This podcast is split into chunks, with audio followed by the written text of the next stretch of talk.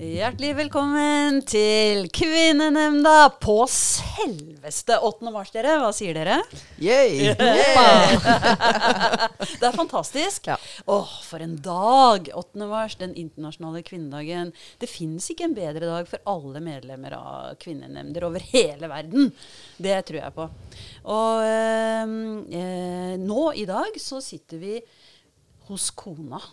Tenk at vi sitter hos kona eh, i Kragerø og skal lage Kvinnenemnda. Det kunne jo heller kanskje ikke blitt noe bedre sted. Vi har eh, det faste crewet. Eh, da har vi Sølvi Vreen altså Virø Vreen.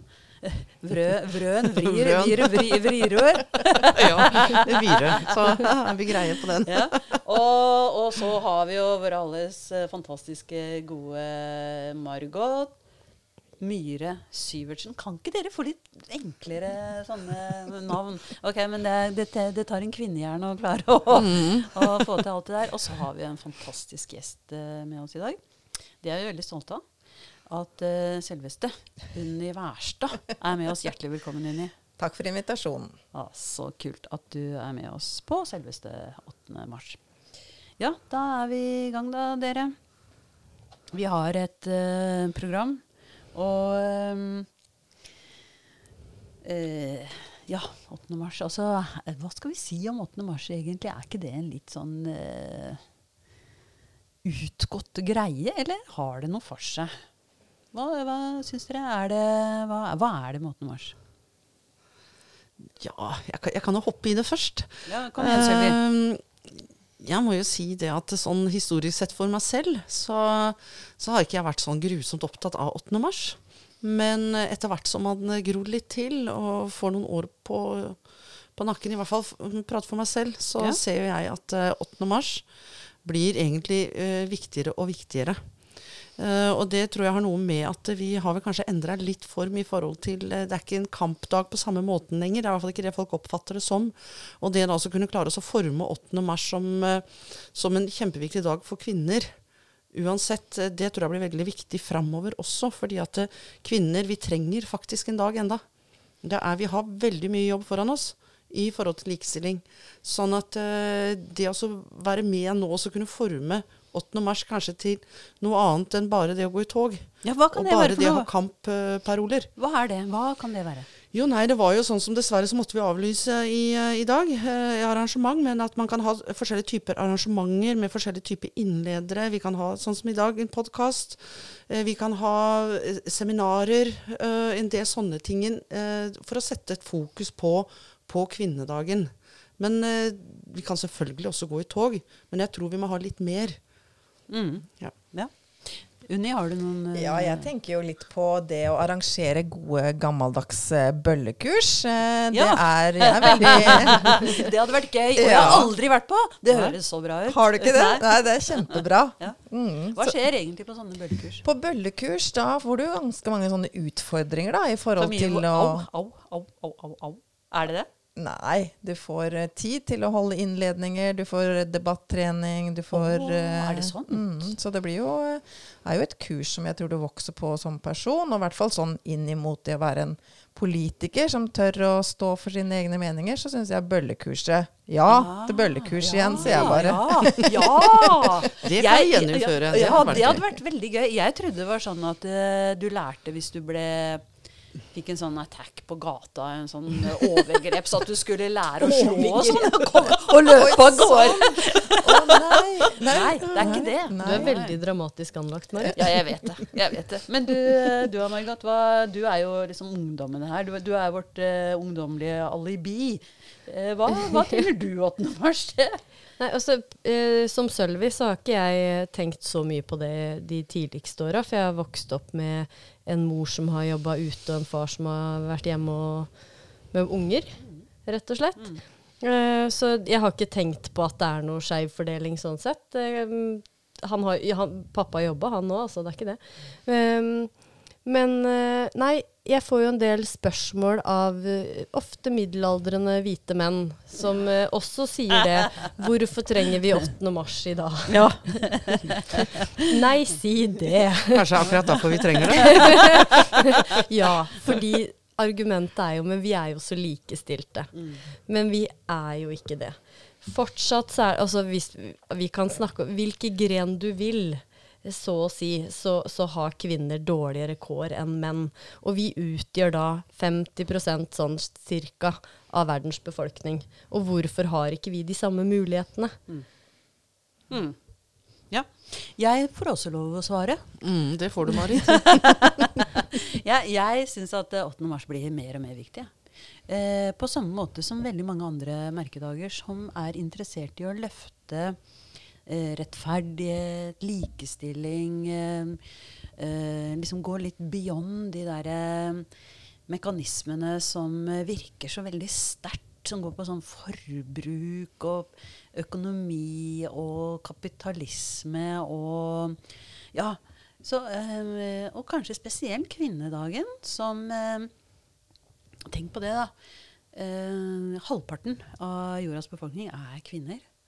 Og på en eller annen merkelig måte så har det skjedd at uh, den halvparten uh, som kvinner utgjør, av en eller annen merkelig grunn ble stigmatisert og ikke skulle telle så mye som den andre halvparten. Det er jo veldig rart. Eh, og, men eh, det henger også sammen med oss selv, da, at vi må reise oss, ta tilbake eh, verdigheten og makta over oss selv og overfor de som prøver å undertrykke oss. Så 8. mars er en glimrende anledning til å stå på. Og så er det jo deilig å kjenne på, på søsterlighetene innimellom. Da. Solidaritet og Det er mye, mye god, godfølelser ute og går.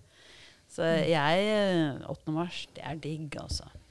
Så kommer det jo hele tida nye saker. da. Nå så jeg akkurat at eh, eh, Statsbygg skal jo nå gå foran med at det skal bli eh, krav til eh, garderober på alle byggeplasser til kvinner. I Og da- 2020. I 2020. sant? Så- wow! da, Gratulerer, Statsbygg!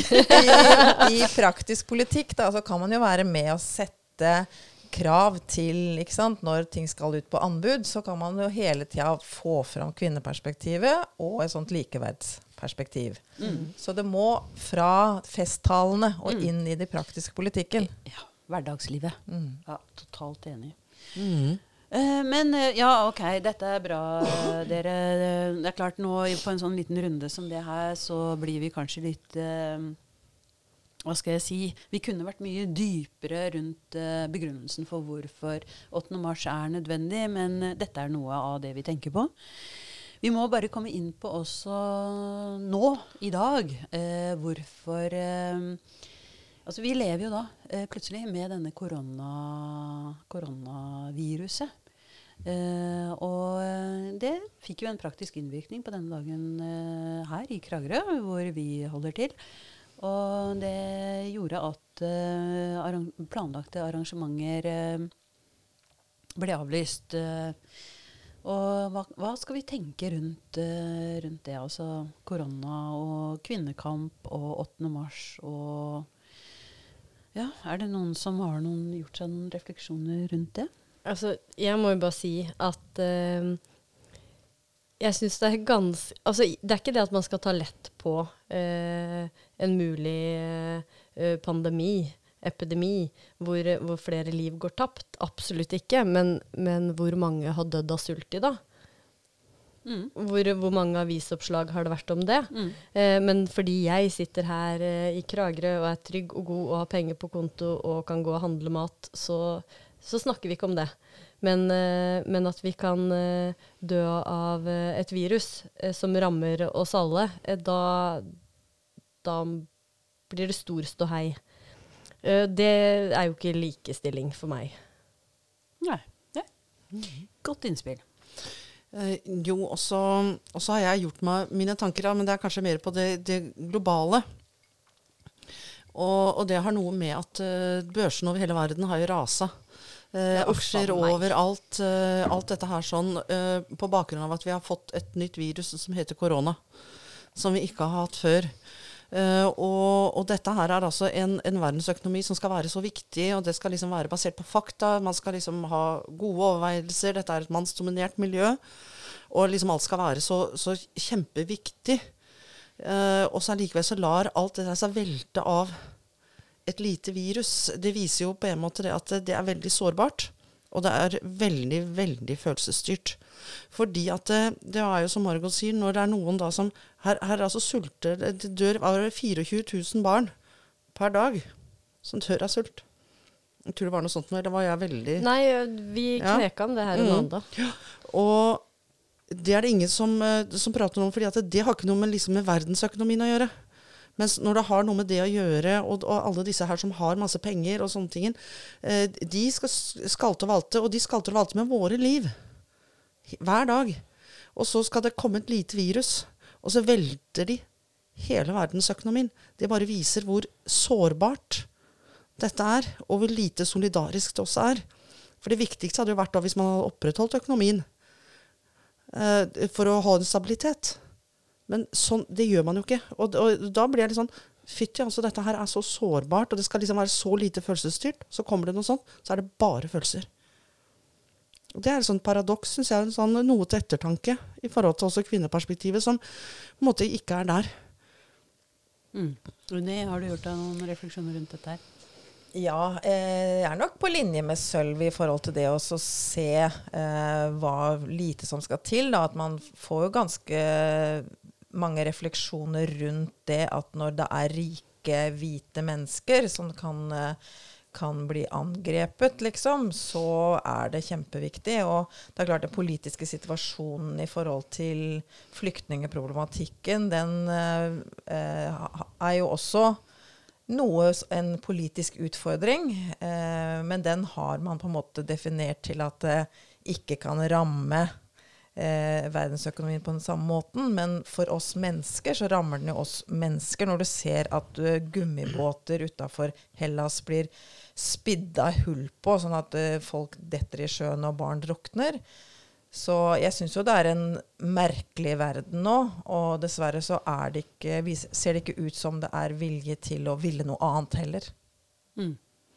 Jeg har tenkt litt på det at uh, når uh, denne koronavirusepidemien eh, brer om seg, og vi eh, Dette skjer jo, i hvert fall for meg, eh, i mitt hode, veldig mye gjennom eh, media. Eh, for det er jo der jeg får greie på saker og ting. Og så prøver jeg å se ja, men hva er det media forteller. Hva er fortellingen i media? Og ja, så blir eh, avisene proppfulle av eh, hvordan eh, aksjene synker. Eh, og hvordan eh, turismen får utfordringer. Hvordan eh, verdensøkonomien får problemer.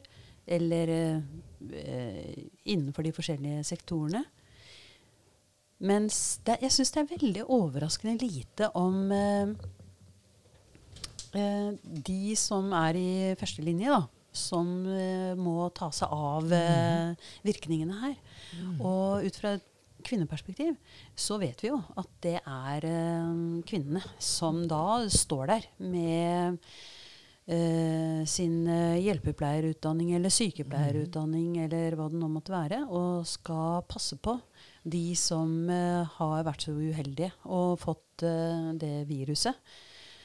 Og eh, jeg blir bekymra for om eh, de eh, kvinnene, og, og om sykehusene, og om eh, samfunnet er rusta for å ta imot denne virusepidemien. Og om vi er eh, solidariske nok. Fordi vi, eh, jo, vi er jo så vant til vårt forbruksmønster. Og det er vanskelig å la være å dra på den Spania-turen eller um, hva det nå måtte være vi har planlagt. Og, og vi blir jo litt da sånn tuta ørene fulle med òg, med at vi må jo passe på at uh, business as usual, for det er jo tross alt det vi lever av. Men uh, jeg, jeg skulle ønske at uh, akkurat det perspektivet kom bredere frem, da. For eh, vi vet jo fra Nå holder jeg ordet litt lenger, jeg er helt håpløs. Men, men sånn, sånn historisk sett, da. Så jeg, jeg nevner i fleng Uh, Florence Nightingale. Mm. eh, ikke sant? Altså alle de som har kjempa så for go godt helsestell. Det gjelder ikke bare kvinner, men det har vært veldig mange kvinner. Eh, og, og også menn og vitenskap som har prøvd å få til å uh, uh, utrydde og lindre lidelser, sykdommer. Uh, og jeg håper at det også kan være en større del av perspektivet. Og jeg tenker at det er en del av kvinneperspektivet i dette her, eller hva tenker dere? Jo, jeg sier jo gjerne det at sykepleierlønningene kan økes. Eh, De har jo blitt avkorta med tvungen lønnsnemnd tre ganger på rad i forhold til å fremme sine krav i forhold til økt eh, lønn. Så eh, hvis koronaproblematikken går over stille og rolig, og sykepleierne sitter igjen med høyere lønn, så kunne jo det vært noe positivt. da. Jo, men eh, det du også sier nå, Marit, det, det, da føler jeg meg over på noe som, som vi også satt og prata om eh, her i forkant, og det er dette her med den vaksinasjonsproblematikken. Fordi at eh, eh, Det er som du sier, at vi vaksinerer våre barn i solidaritet på de som kanskje kunne ha blitt syke som ikke tåler det. De aller fleste overlever jo en eh, meslingsykdom, men det er noen som ikke gjør det. Eh, og det samme vil det jo også nå være med, med koronaviruset. Eh, at eh, man, sånn som vi avlyste i dag, og det har noe med å vise litt solidaritet og være forsiktig på andres vegne. At ok, de neste ukene nå så kanskje jeg har litt mindre frihet i mitt liv, men det er fordi at eh, da passer vi på at det, kanskje andre ikke blir utsatt for smitte, som, eh, som kunne blitt alvorlig syke eller dødd av det. Så det har jo noe med det solidaritetsperspektivet som også vaksinene eh, egentlig viser. Og vi har hatt dette her med, med meslingene. Og at eh, foreldre nå velger å ikke vaksinere sine barn fordi at det er en eller annen greie de er redd for. Eh, og, og det, eh, men det, det har kanskje noe med den der individualistiske tidsånden som vi dessverre i dag lever i. At det er meg som kommer først. Og så får andre bare klare seg selv. Men nå er jo ikke meslingvaksina noe nytt. Så det er jo også veldig rart. Den har vært utprøvd over flere tiår.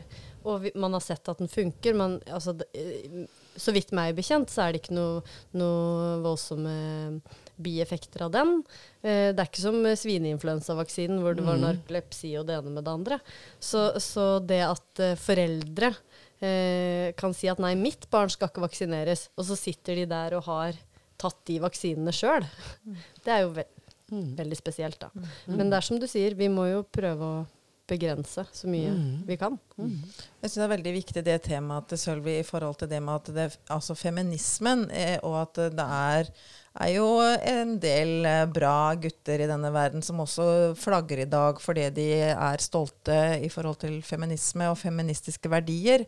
Så det, å, det poenget du har da med at man vaksinerer seg fordi man er solidariske med de som ikke kan tåle å bli syke, eller vi avlyser i dag fordi vi vil passe på alle. Det er jo en uh, mer feministisk tankegang da, enn å si at uh, oi, nå var det noen som ikke fikk solgt noe mat, eller eh, Ikke sant? For da hadde man forstått det med en kapitalistisk tanke, at nei, vi kan ikke avlyse, for da tjener vi mindre penger. Så det er jo et eksempel på at man tar et større moralsk ansvar, da, som jeg mener ligger nærmere feminismen, da. Ja. Så jeg tenker at det, når det skjer en sånn uh, uh, Hva heter det for noe? En sånn trussel som uh, koronaviruset kan sies å være, så er det viktig at, at vi holder frem det feministiske perspektivet her. For um, det er lett å la seg overfuse av det, et, et kapitalistisk syn. Da. Og man blir engstelig ikke sant, for verdensøkonomien, og hva skal vi leve av, åssen skal dette gå? Men eh, tross alt, vi må, eh, vi må eh, passe på å ta omsorg for hverandre og, og være solidariske. Det jeg syns er interessant at eh, eh, Jeg bare leste jeg, jeg, kan- jeg kan ikke eh, veldig mye om dette, men jeg leste i eh, herværende aviser at eh, eh, nå har man fått litt større kontroll over situasjonen i Kina. Sånn at, eh, I de mest utsatte områdene i Kina. Sånn at folk kan begynne å ta fly igjen. Og det er jo Det er ikke det at jeg forherliger det kinesiske systemet på noen som helst måte. Men de, de ja, tok jo grep for å eh, dempe virkningene av eh, en utbredelse eh, som var veldig strenge, da. Eh, og som folk eh, da antageligvis har fulgt i ganske god utstrekning, mer eller mindre frivillig. Og nå får de på en måte en, en eh, uttelling for det, sånn at folk kan begynne å fly igjen.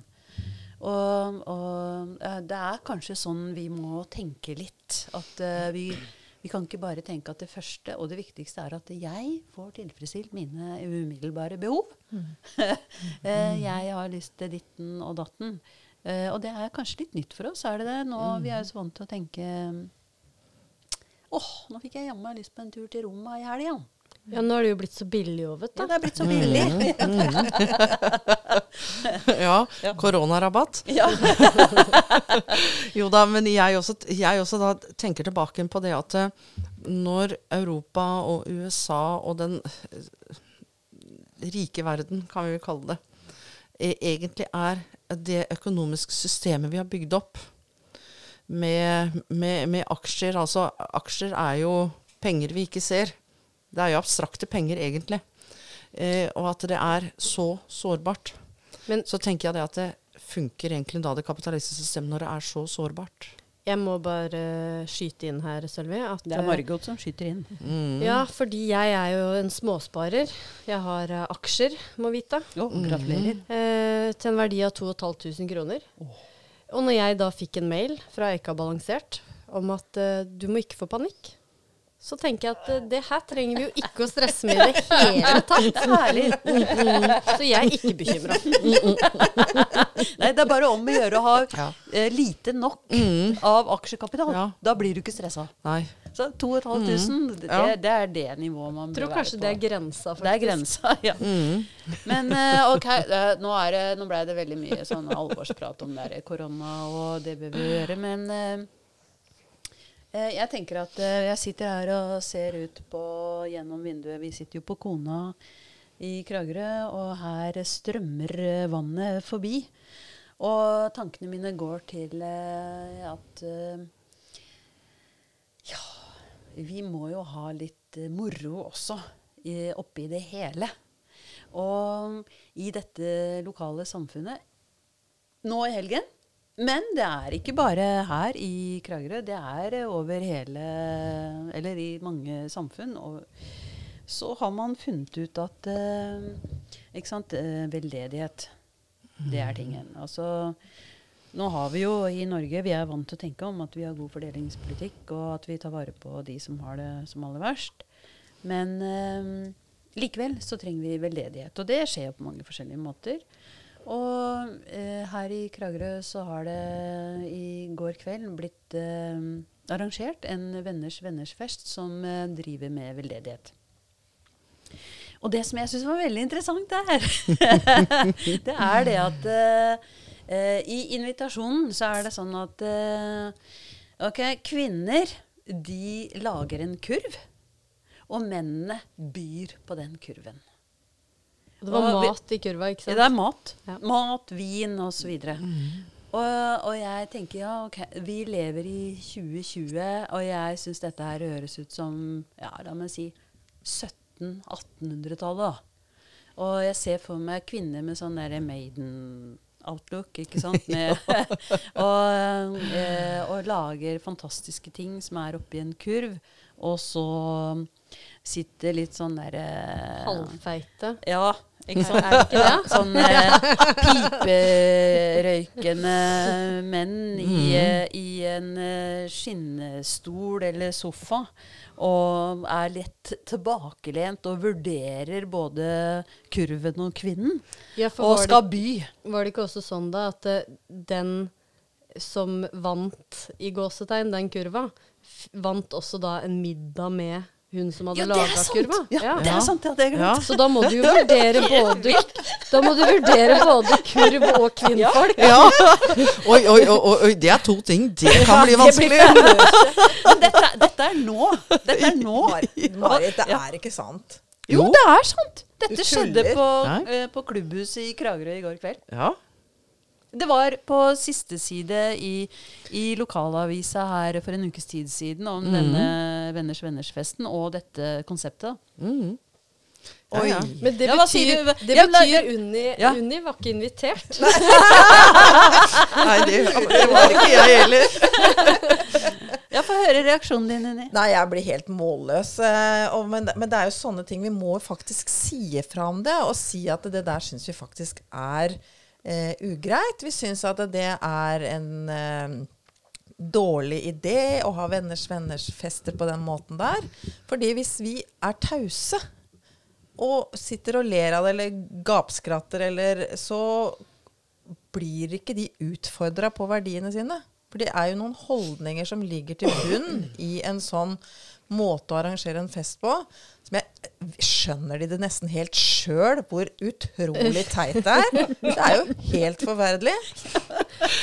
Jo, og så, og så tenker jeg også det at når eh, Og vi må jo utfordre de, eh, de på det, som Unni sier. fordi at eh, når man sitter der og, Eller når man står på utsida og så på en måte betrakter det, da, så tenker jeg at ja, bare man putter ordet veldedighet Ja. eh, foran, Et alibi. så skal liksom alt være lov. Det blir det samme som i, i, i religionen også. Det så er kvinneundertrykking det er lov fordi det er religion.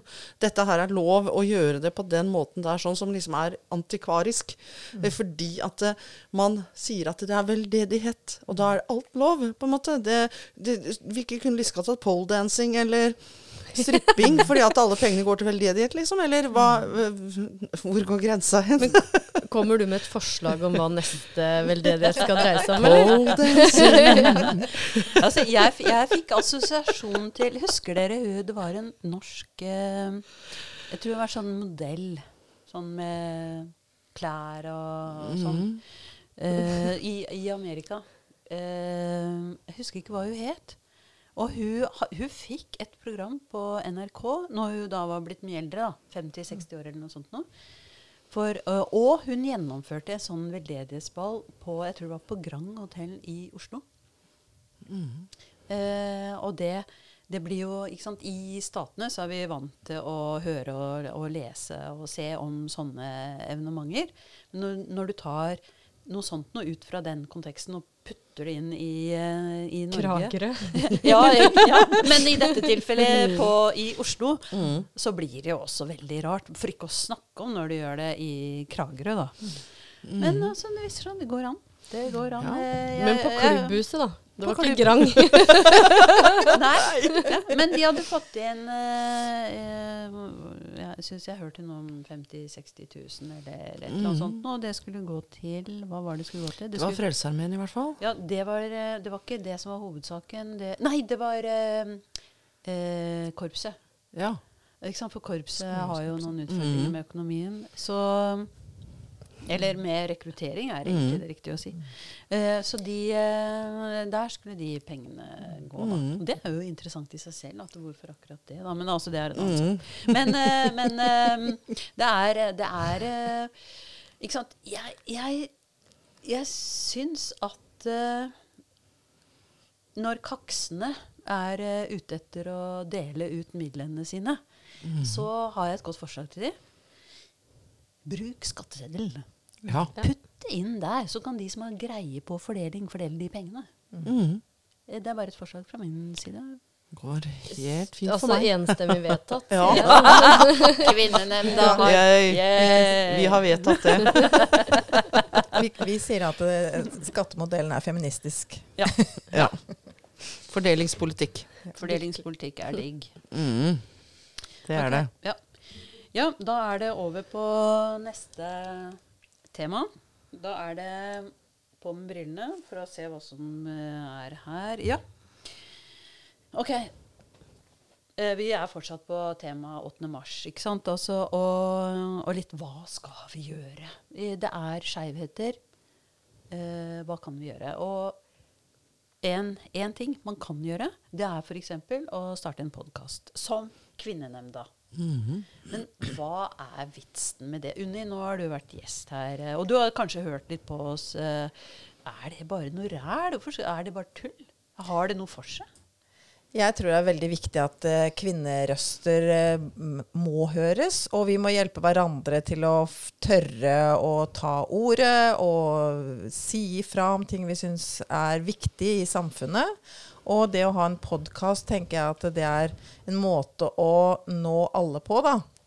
Eh, og som kan være med å engasjere andre til å Ja, kom med det. Ja, du brenner for den saken. Det, vil vi høre litt mer om.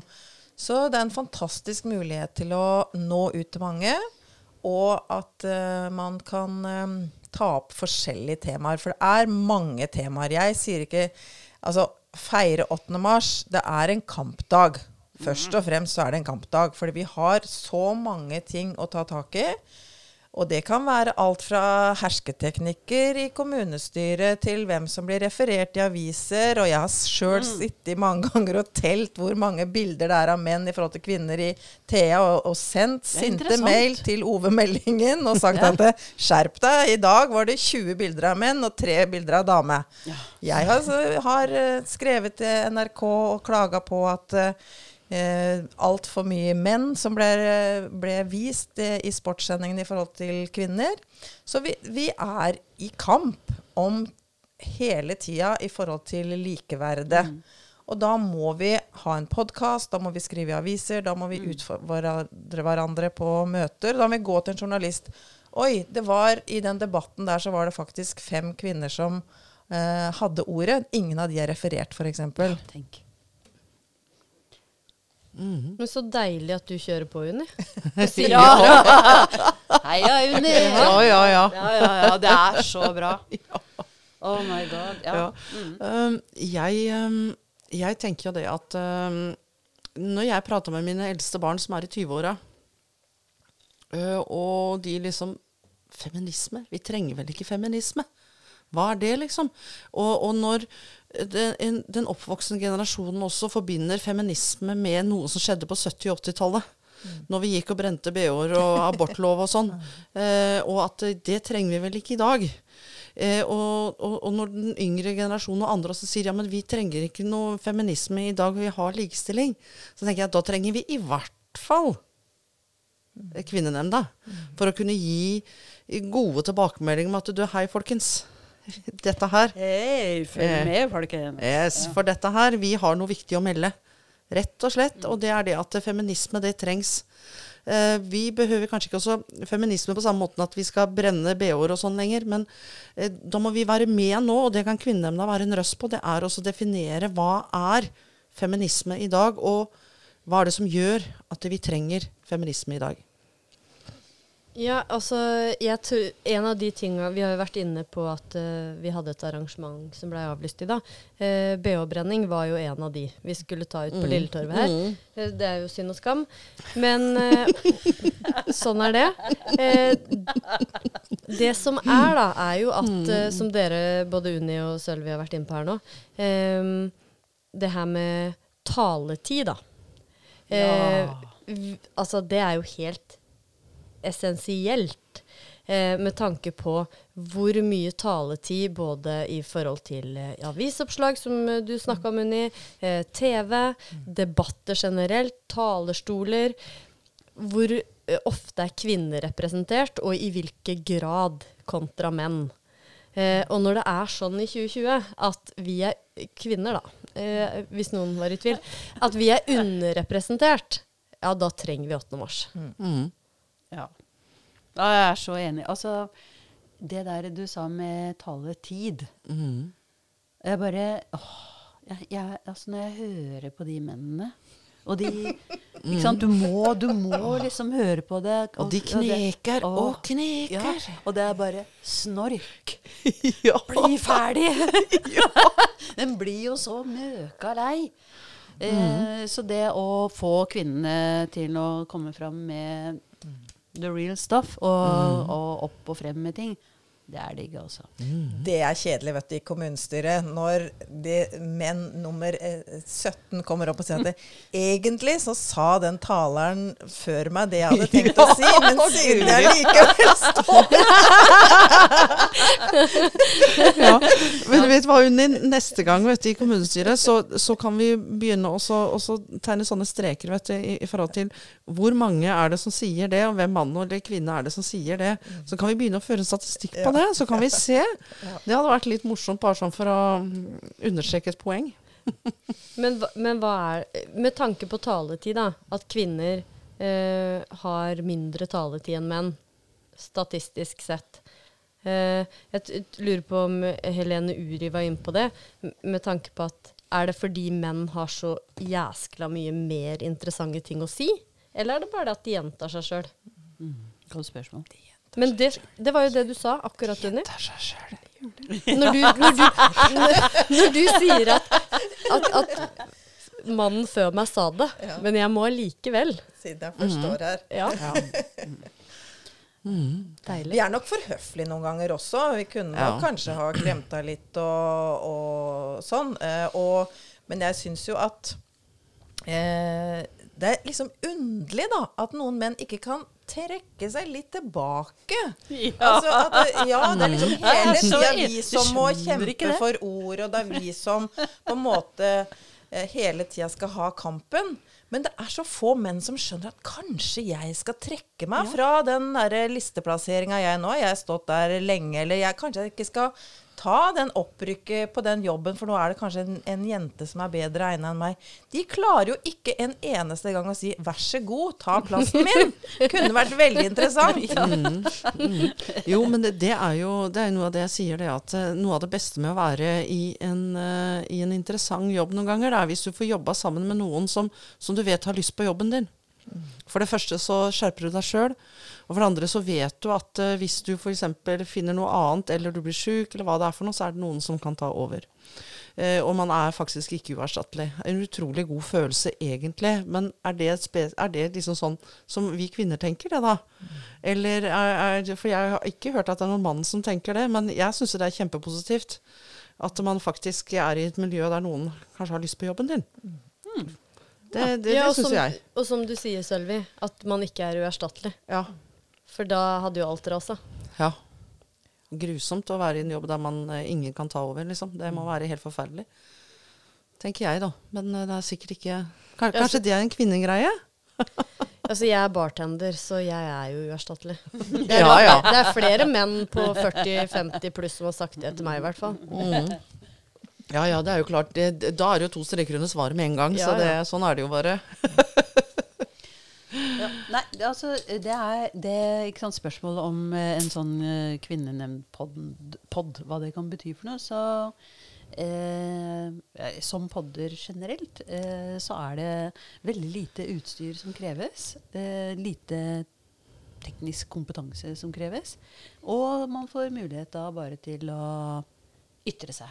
Eh, og det er veldig bra. ikke sant? Og man får en opptrening i å ytre seg også. Og vi sitter jo her nå og har det veldig gøy, ikke sant? og kan eh, holde på med det. Ja, hva Jeg du bare, jeg må bare skyte inn at vi, Ja. man må ha en talegave. Sånn som vi, vi demonstrerer her nå. Det er sant. Det er sant. eller, eller ikke. ikke sant? Det er bare å begynne å mumle i et Ja, hjørne. ja, ja. Det er jo ikke noe vanskelig. Men kanskje eh, med, med akkurat det med pod, så kan man fort trene opp eh, evnen til det. da. Og ta den taletiden ikke sant? i offentligheten som du, Margot, eh, etterspurte. Så vi er ikke lenger avhengig av et kommunestyremøte eller eh, en lokalavis eller noe sånt noe. Det er bare å sette i gang sjøl og få det til. Ut med det. For, for hva er offentligheten? Er, den er eh, omskiftelig, og den utvides og snevres inn hele tida. Og den beveger seg. Det er ikke noe statisk. Men podkast, det er kanskje en, en mulighet da. Eh, Vi får se hvor lenge det varer. Det kommer sikkert til å bli hyperkommersialisert, det også, på et eller annet tidspunkt. Men eh, akkurat nå så er det jo sånn at eh, det er egentlig for hvermannsen å bare sette i gang med. Og ytre seg fritt ut. Og det er jo helt fantastisk. Så, og for vårs kvinnfolk så Mhm. er det jo ekstra bra, da. Ikke sant? Mhm. Det er Ja. Med våre saker og ting. Ja, altså, unnskyld, Sølvi, Mm. men eh, her får jo vi ubegrensa med taletid. Ja. Endelig. Ja. Ja. Det var akkurat det jeg skulle si. Så er orden. Ja, det er deilig. Det er deilig. Ja. Og, og jeg må bare si det at alle disse kvinnene som sitter her nå, er jo, har jo så mye bra å komme med. Og det er vel verdt å høre på hver eneste en av de. All the time. Mm. Ok. Eh, da kan vi slå fast at eh, Kvinnenemnda som eh, podkast er har noe for seg. Uerstattelig. Mm. ok, da går vi over på det som egentlig er det hot, hot stuff eh, i denne podkasten. Eh, vi har jo en fantastisk gjest med oss, og Unni Wærstad. Du, eh, du eh, har sagt ja til å være her. Og eh, sånn som jeg tenker på deg, så er du en av de som virkelig har stått på eh, og ikke blitt rokka ved å få til f.eks. 8. mars-feiringer i Kragerø. Om det har vært stort eller smått eller ikke sant? Du har bare stått skikkelig på for det. Og jeg har øh, fulgt deg øh, i øh, ditt, din politiske karriere. Du har vært en SV-representant.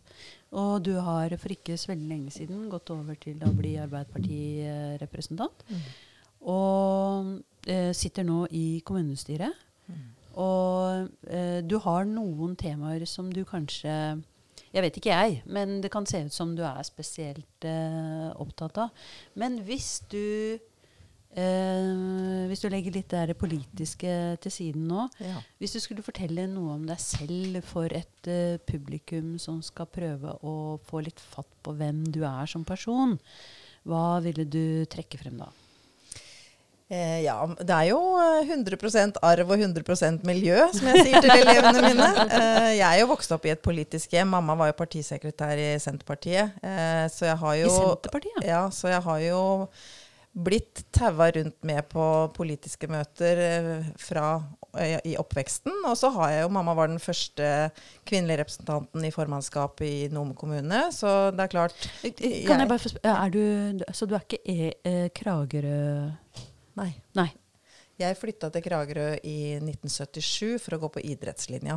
Oh, ja, okay. Mm, så det var det som brakte meg hit. Og da eh, var det jo veldig inspirerende da med Karin Westerin, som da var med i, i SV. Og det var jo, har jo vært fantastisk å få være i det miljøet rundt Karin Westerin, eh, fordi at hun var uredd. Kjempeuredd. Og det er klart sånn eh, Kristin Halvorsen, som eh, har vært en sentral politiker i SV, som jeg har eh, lært veldig mye av, syns jeg. Men eh, jeg må si at jeg har blitt tatt veldig godt imot i Arbeiderpartiet av Sølvi og alle der. Og jeg syns jo det er fantastisk da, etter 25 år i SV, å melde seg og inn i Arbeiderpartiet, og etter to år få tilliten til plass så høyt på plass på kommunestyrelista at jeg kom inn. Men jeg er jo mye annet enn politiker. Jeg er jo mamma, og, eh, og så er jeg lærer på Kragerø videregående skole. Så jeg opplever jo det sjøl, at jeg jobber jo med feminisme, og elevene som har meg, de jenta, jentene og de guttene der, de har mye muntlige framføringer og presentasjoner nettopp fordi de skal få lov til å være trygge og ta en plass og ha en mening. Så de, får nok, de har nok en litt annen lærer enn mange andre, da. Fordi jeg har den erfaringa jeg har. Eh, er det riktig oppfatta at du um, har en forkjærlighet for, uh, for kunst og kunstverden? Ja, jeg har liksom uh, eh, Jeg har veldig respekt for kunsten, og den er, ligger så dypt i meg da, at det å være et skapende menneske, det er liksom eh, Nest etter å få mat og drikke, liksom, så er det å være kreativ. Eh, og det å skape, det å for mennesket å se kunst, det er mentalt viktig, altså. Så derfor så har jeg jo vært en bidragsyter i forhold til eh, Begynte vel med venninner som hadde utstillinger, og jeg hjalp de å henge opp og sånn. Og så har jeg jo gjort noen helt vanvittige, rare kunststunt med funksjonshemma elever. Eh, flere, fire forskjellige utstillinger med funksjonshemma elever som Da har jeg møtt da, hvor viktig det er for en med cerebral parese eller en med diagnosen autisme å få være et skapende menneske. Eh, så det er liksom helt i bunnen for meg. Og så er jeg jo begeistra for eh, kvinnelige kunstnere. Eh, vi har jo hatt en stor kvinnekunstutstilling i Kragerø for fire år siden. Den er jo den ble jo lagt merke til nasjonalt, det vi gjorde med 20 kvinner gjennom de 200 åra. Eh, og så la jeg meg begeistre av dronning Sonja, for hun har jo dratt fram kvinnelige kunstnere både med innkjøp til Slottet, og det at hun har vært så tøff og starta med kunst sjøl, det er utrolig kult, altså. Mm. Så det er et veldig breit spekter da, i forhold til kunsten. Mm. Og så, eh, Vi må snakke absolutt mye mer om det med kunst, men eh, jeg har også lagt merke til at du er engasjert i Kragerø kystlag. Ja. ja, jeg er nok eh, er nok fascinert av sjøen og alt som er med sjøen. Det er noe med det havet og med lyden og sånn. Så når vi fikk bygd oss den seilkoggen, eh, så var vi jo litt gale. Altså, vi hadde jo ikke seilt før i det hele tatt. Jeg visste jo ikke hva jeg gjorde i det hele tatt. Men det var, den heter jo Jomfruland, da. For det var jo jomfruelig land vi skulle starte på, Terje og jeg sammen. Så, men eh, jeg er jo opptatt av kystkultur. Kulturhistorie. Jeg syns jo Kystlaget i Kragerø har vært helt fenomenale i forhold til det de har gjort her. Fordi det har jo vært mye stabbur i, i kulturen og i bevaring, men eh, det med at ferja her er bevart, og alle de pengene som er lagt ned der, det er et kjempe, kjempeløft for kystkulturen. Og med Riggebua i havna nå, som skal restaureres. Så det er noen ganger vi blir litt blinde for det som er veldig nært. Men andre utafor ser at Kragerø kystlag gjør en veldig bra jobb. Mm. Mm. mm, mm. Ja, det er masse, masse spennende. Men er det ikke sånn at du, altså i tillegg til alt dette, Eh, og det enorme sosiale engasjementet du har for eh, mange grupper av mennesker og, og eh, natur og kultur, så eh, har du dine egne små firbente som du har fått et engasjement for? Ja da. Eh, vi har jo drevet med hundekjøring tidligere, Terje og jeg, når vi bodde i Bamble en periode. Eh, så var jeg lei av hunder, og da fikk Terje en hund som het Særeie. For den ha. Herlig. og så, så nå har jeg kjøpt meg egen hund. Den heter Una, og den er, er liksom Filosofien bak det da, er at jeg skal ikke begynne å bruke kolesteroltabletter. Jeg skal gå tur med hunden og klappe den isteden. Jeg tror det er like bra for helsa mi. ja. ja. Mm. Ok. Ja, men uh, dette her, Nå begynner vi liksom å få litt uh, Og du har uh, Hvor mange barn er du har egentlig? Fire gutter. Du har fire mm. gutter, og så har du noen barnebarn? To barnebarn. To barnebarn. Mm. Så, og du bor da i fantastiske Kragerø, og du favner bredt med dine interesser. Og det kanskje eh, ekstra interessante i denne sammenheng er eh, eh, selvfølgelig alt feministiske, alle dine feministiske prosjekter. Eh, men eh, jeg er også veldig interessert i å snakke med deg om eh, kunst, som vi helt sikkert kommer inn på. Og kanskje litt det der med, med Ikke sant? For ofte så blir jo hva skal vi si for noe, utviklingen av velferdssamfunnet kobla sammen med en utvikling av vekst. Mm. Eh, så det sett i sammenheng med konsumsamfunnet, da. Mm. Har, du, har, du, noen refleksjoner du kunne bidratt med der, sånn umiddelbart? Eh, kan du si, de Folk som har mye penger, eh, de er jo med å verdsette kunsten på en, eh, en, måte som kan være positiv ikke sant? i forhold til at man kjøper inn kunst. det vi ser, er jo dessverre sånn at menn som har penger, kjøper av eh, mannlige kunstnere. Hvis det skal være utsmykninger på de offentlige bygga, så er det ofte at det er menn som sitter og avgjør, og så velger de menn som eh, får utsmykningsoppdrag. Eh, så kunsten er på en måte avhengig av at folk har penger og vilje til å kjøpe kunst. Men det er liksom i det møtet da mellom hvem er det som avgjør? Og da ser vi jo det at det er litt for mange menn som velger menn.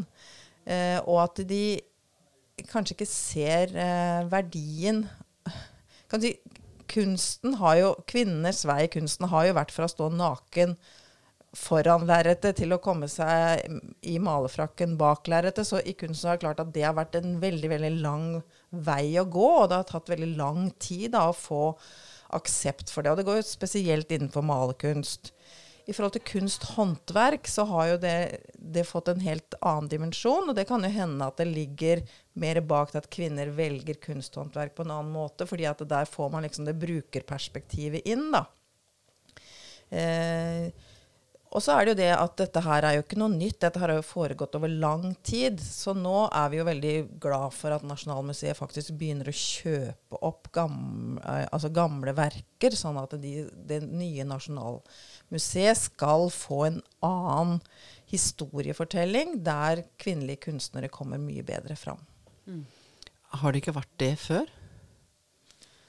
Er det, er det faktisk at det at det er uh, i nasjonalmuseer og sånne ting også, så er det nesten bare mannlige kunstnere som henger. Ja, det er det.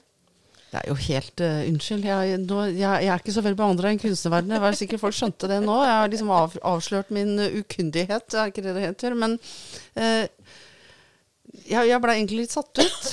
Ja, jeg må, ja, sånn vi, vi, vi, vi, lærer jo, men jeg burde jo egentlig ikke bli satt ut. Men jeg, liksom, kunstnerverdenen for meg jeg skal liksom være så så fri, og den skal gå foran uh, med nye ting. Det skal liksom være noe skapende, noe som utfordrer oss, og alt dette her sånn. Og så når det kommer til, til hælinga, så er det akkurat det samme gamle bøtteballetten uansett. Uh, det er liksom det er okay. så bøtteballett, Sølvi. Du kan få noen tall her. Det er eh, Kunst internasjonalt blir omsatt 16% kvinnelige kunstnere. Vet du hva det er i Norge? Der er det 10% av salget av kunst er kvinnelige kunstnere. Helt Mm. Jeg, blir helt målløs. I 2018 så var det fire av 17 kunstnere som tjente over en million, som var uh, kvinner. Fire av 17. Og det var de ti som tjente, mest, det var menn. Så kvinner står bak uh, ett av ti som fins i utstillinger. Altså ett maleri av en kvinne og ti menn. Det blir mye. Det blir stor forskjell. Vet du hva, Nå, nå syns jeg kunstnermiljøet begynner å henge etter. altså Det kan de ikke være seg bekjent av. Nå er det en utfordring fra kvinnenemnda her. Kunstnermiljøet, skjerp dere. Men vet du hvordan det er i Kragerø da, Unni? Eh, I Kragerø så er det jo Kragerø faste bildegalleri som jeg kjenner best, da, i og med at jeg har vært mest med der. Og den første utstillingen jeg var på, så sto jeg på gulvet, jeg husker akkurat hvor jeg sto, og så kikka jeg meg rundt, og så begynte jeg Hæ! Nei! Og så telte jeg fire kvinnelige kunstnere som var presentert. Og da satt Wærstad i gang med å lage kvinnekunstutstilling. Så ett år etterpå så hadde vi jo den 20 eh, kvinnelige kunstnere som vi presenterte. Så har jeg nok vært litt uhøflig noen ganger og gått på noen utstillinger og sagt at ja, det var ganske bra det her, men det var synd at det bare var fire kvinner her. Og da blir jo folk litt De syns ikke det er så behagelig, da. Nei, Men skal man være behagelig, da? Jeg kan jo ikke det. Nei. Nei. Og jeg har jo snakka med Thomas i forhold til Galleri Nicolines også, at uh, jeg syns jo de uh, er bør å ta de har de blitt et såpass kjent galleri, da, så de bør ta, ha ansvaret nå med mm. å sørge for at kvinner kommer og fram. Og nå er det Karoline Kåber da, som nå skal være en av utstillerne der til sommeren. Det er jo flott. Mm. Det gleder vi oss til. Så, men jeg håper at alle kvinner som hører det her og går på utstillinger, etterspør, da. Mm. Uh, ja, ja, og blir oppmerksomme på det. Mm. For det er jo ikke alle som er det heller.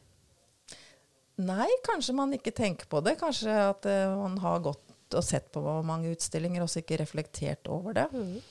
Men jeg, men jeg syns det er viktig, da, den jobben Nasjonalmuseet gjør nå for å få fram For det er jo en del av vår historie, og Kragerø har jo kunsthistorie. Altså Sofie Thommessen, som da bodde i Paris, traff Erik Wernskjold 1882. Kommer tilbake til Kragerø, og så jeg, elsker jeg den fortellingen her til eh, klassene når jeg har de på omvisning. Så sier jeg Er det noen som er fra Tåtøy her? Og så tar de opp en sånn liten finger og sier Vet dere hva, nå skal jeg fortelle dere. Når Sofie tok med seg Erik Wernskjold hjem til Kragerø, og så skulle han jeg spurte han kan du vise meg det fineste stedet som er. Og da tok de og dro ut til Tåtøy, og der malte Erik Wernskjold gjetere. Altså det første nasjonalromantiske bildet som ble malt. Og så sier jeg er det noen annen som er fra Tåtøy? Ja! Da er det ti stykker som er fra Tåtøy! så det har jo, vi, har en, vi har jo en kunsthistorie her også som vi må løfte litt mer fram, da. For det, når de, var, når de gikk på kunstskolen i, i, i München f.eks., så fikk de jo ikke lov til å gå på skolen engang. Så det var jo Erik Wernson og noen av de, de, had, de jentene bodde jo på hybler, og så kom de tilbake fra skolen, og så malte de sammen med de. Mm. Så vi har en kunsthistorie her i Kragerø å være stolt av. Mm. Mm. Ja, det er vel ikke for ingenting at vi kaller det Kragerø kunstnerbyen. Ja. Mm. Så, så, jeg håper jo også det at vi klarer å beholde den kunstskolen vi har fått. Mm. Uh, fordi jeg syns jo uh, vi burde jo være bekjent av det når uh, UNE gir oss noen, noen, små deler av en kunsthistorie i Kragerø. Og jeg aner jo her det at vi har jo noen utrolige flotte kunsthistorier. Mm. Som, som, vi burde fremheve mer. Fordi at det, jeg er tilflytter, og det eneste jeg har hørt mye om, det er Munch. Mm og hvor han sto mala hen. Og jeg syns det er kjempeflott, for Munch er jo så stor. Mm. Men vi har jo så utrolig mange andre, også Kittelsen, da, mm. og mm. Nøkken og alt det, mm. liksom. Men uh, det fins jo så mye mer. Uh, som, som, bare ligger der, som vi burde heve opp. Og så mange sterke kvinner. Nå var vi også, også ga Fernanda Nissen uh, blomster og, og holdt på å si sånn bånd og banner og alt, og, og, fremhever. Og jeg tenker at vi har jo også da virker det som, mange kvinner i, i kunsten opp gjennom historien i Kragerø. Så det burde jo også være noe man skulle ha satt uh, mye, mye mer fokus på. Ja, jeg tenker jo at uh, Universta, du burde ha deg en eiga kunstpod. ja. Mm. Kunst i Kragerø. Ja, kunst i Kragerø, ja. Mm -hmm. Ja, Det var jo ikke noen dum idé. Nei. Tenk Nei, på den. Og det vi jobber med nå i Kragerø faste bildegalleri, er jo en veldig veldig spennende utstilling med Odd Einarssons eh, satiretegninger, som skal åpne 4. april. Veldig spennende historie, som også er lite kjent i Kragerø, da, med Odd Einarsson som eh, Uh, han var jo forresten også i München og, og, søkte om å komme inn på tegneskole der. Eh, han kom ikke i, inn. Eh, og det som skjedde da, da vi var i 1938 og da møtte han faktisk Hitler. Han hadde heller ikke kommet inn på den kunstskolen. Verden er liten noen ganger. Tenk på det, da. Ja, det er jo helt vilt. Ja, mm. ja. Men så, så, tenkte jeg, når jeg, jeg så en artikkel i, i Aftenposten Uh, om, om, hun uh, som fikk Nå husker jeg ikke navnet. Uh, det er meg og navn, det går ikke sammen. Men hun, hun som hadde vunnet Holberg-prisen. Mm. Griselda Pollock. Ja, det er det jeg sier. Det er greit å ha deg, Marit. Passe på meg. Og, og, og, dette her med at, at, at, kvinner da faktisk gjennom hele kunsthistorien har systematisk på en måte blitt satt på utsida. Mm. jeg blei liksom og dette området faktisk som jeg ikke har tenkt på, men det har kanskje noe med at jeg liksom aldri vært de som har gått ned kunstutstillinger og, og, og, sånne ting. da. Men det, det, du vet jo det, Sølvi, at uh, altså Historien har, har, blitt skrevet av uh, ikke sant, de som altså Man sier jo det. ikke sant, De som mm. har uh, hatt makta. Ja. Og kan fortelle hvordan alt har gått til. Men mm eh, historikere har jo utvikla mange metoder for å undersøke historien på litt mer sånn eh, ja, diversitetisk. Mm. Hvis det går an å si det sånn. Det vet jeg ikke om det gjør. Du gjorde det jo akkurat. ja. Det tror jeg gikk strålende. Du fant på det, du. Ja. Og det, det øh, gjør jo at vi får en mer øh, eh, ja, eh, detaljert beskrivende om hva som har foregått uh, tidligere. Og det gjelder jo kanskje spesielt uh, kvinnehistorie. Da. Altså at det, er jo, det har jo vært menns historie, også innenfor kunstfeltet antageligvis. Men, men egentlig i det hele tatt så er det menns historie. Og gjerne maktmenn, da. De store konger og så videre, som uh, vi har hengt knaggene på. Og så har jo det synet på historien endra seg etter hvert. Og, og da får vi en mer mangfoldig forståelse av hva som har skjedd eh, opp igjennom historien. Det blir jo ikke så enkelt å forstå historien lenger. Og det er jo litt dumt, da. Det er Ja. for enkle hjerner, som kvinnehjernen. Ja. Er Ja, ja, men men vi, eh, vi er ikke smålige der, vi. vi. Vi får det til. Mm. Og det er, det er faktisk helt vilt at uh, kvinnelige kunstnere har fått så lite plass i, uh, i fremstillingen av eh, kunsten. Ikke bare billedkunst. Altså, det gjelder jo forfattere eller eh, Altså på de forskjelligste kunstarenaer. Så um, der er en stor jobb å gjøre. Og det syns jeg er fint at du tar på deg det, Unni. Ja, ja, altså jeg tror det, mange, det henger jo litt sammen med eh, liksom det at kvinner har kanskje ikke så Altså vi har ikke så mye penger. Eh, vi tjener 87% av menn, ikke sant. Og vi har da ikke penger til å kjøpe kunst, kanskje, når du velger mellom en, eh, en regndress til en av barna dine eller kjøpe deg et bilde. Så det blir jo på en måte et symptom da, på den, lik, eller den lønnsforskjellen også kommer på en måte litt til uttrykk da, i kunst. Fordi at eh, hadde kvinner hatt, flere kvinner hatt bedre råd, så er det klart at de ville vært mer interessert og hatt mer mulighet til å kjøpe inn eh, kunst. Eh, og jeg, jeg tenker at eh, menn kunne Det er også det derre samme perspektiv igjen. Kunne ikke de bare tenkt litt annerledes? Kunne de ikke tenkt Oi, nå kjøpte jeg to malerier av menn i, eh, forrige året. Kanskje jeg skulle utfordre meg selv til å kjøpe et bilde av en kvinne? Så noen ganger så undrer jeg meg over hva menn tenker noen ganger. Fordi at de har muligheten til å se med litt andre briller. Så jeg vet ikke hvordan vi kan få menn til å tenke mer feministisk. Eh, Jeg må bare si at jeg kjøpte mitt første kunstverk her for et par år tilbake. Eh, det var en skulptur av Lise Bottolfs, Å, så bra. som er lokal. Eh, bjørnedyr, ja. så bra. Gratulerer. Så litt reklame. Ja, ja, Lise Bottolfs. Ikke betalt reklame. Nei, ikke, ikke enda. Nei. Ja. Nei, altså, og, og så er det jo all grunn til å spørre litt om eh, mekanismene rundt dette med kunstsalg også, da. For det er jo mye, mye rare greier der, tror jeg. Men eh, det tror jeg ikke vi får tid til å ta opp akkurat nå. nå eh, dette har vært utrolig interessant og, og gøy. Jeg håper at uh, lytterne våre har fulgt uh, med. Jeg orker å følge, følge oss. Eh, vi har passert en time. Ja. Det pleier vi jo ikke. Det pleier vi ikke. Eh, men eh, vi får eh, ta det på kappa at uh, Unni har vært veldig interessant å høre på. Vår eminente gjest. Sier litt om eh, Ja, sier litt deg, Unni. Ja. Og, eh, og i tillegg da at vi har hatt en, eh, en eh, markeringsdag som eh, 8. mars. Ja. Så eh, da sier vi eh, tusen takk, Unni, og tusen takk til eh, Margot og til Sølvi og, Og Marit. Marit. Og Marit. Og takk for nå. Vi ses Nei, høres snart igjen. Mm, ha det Ha det godt. Ha det. Takk for meg.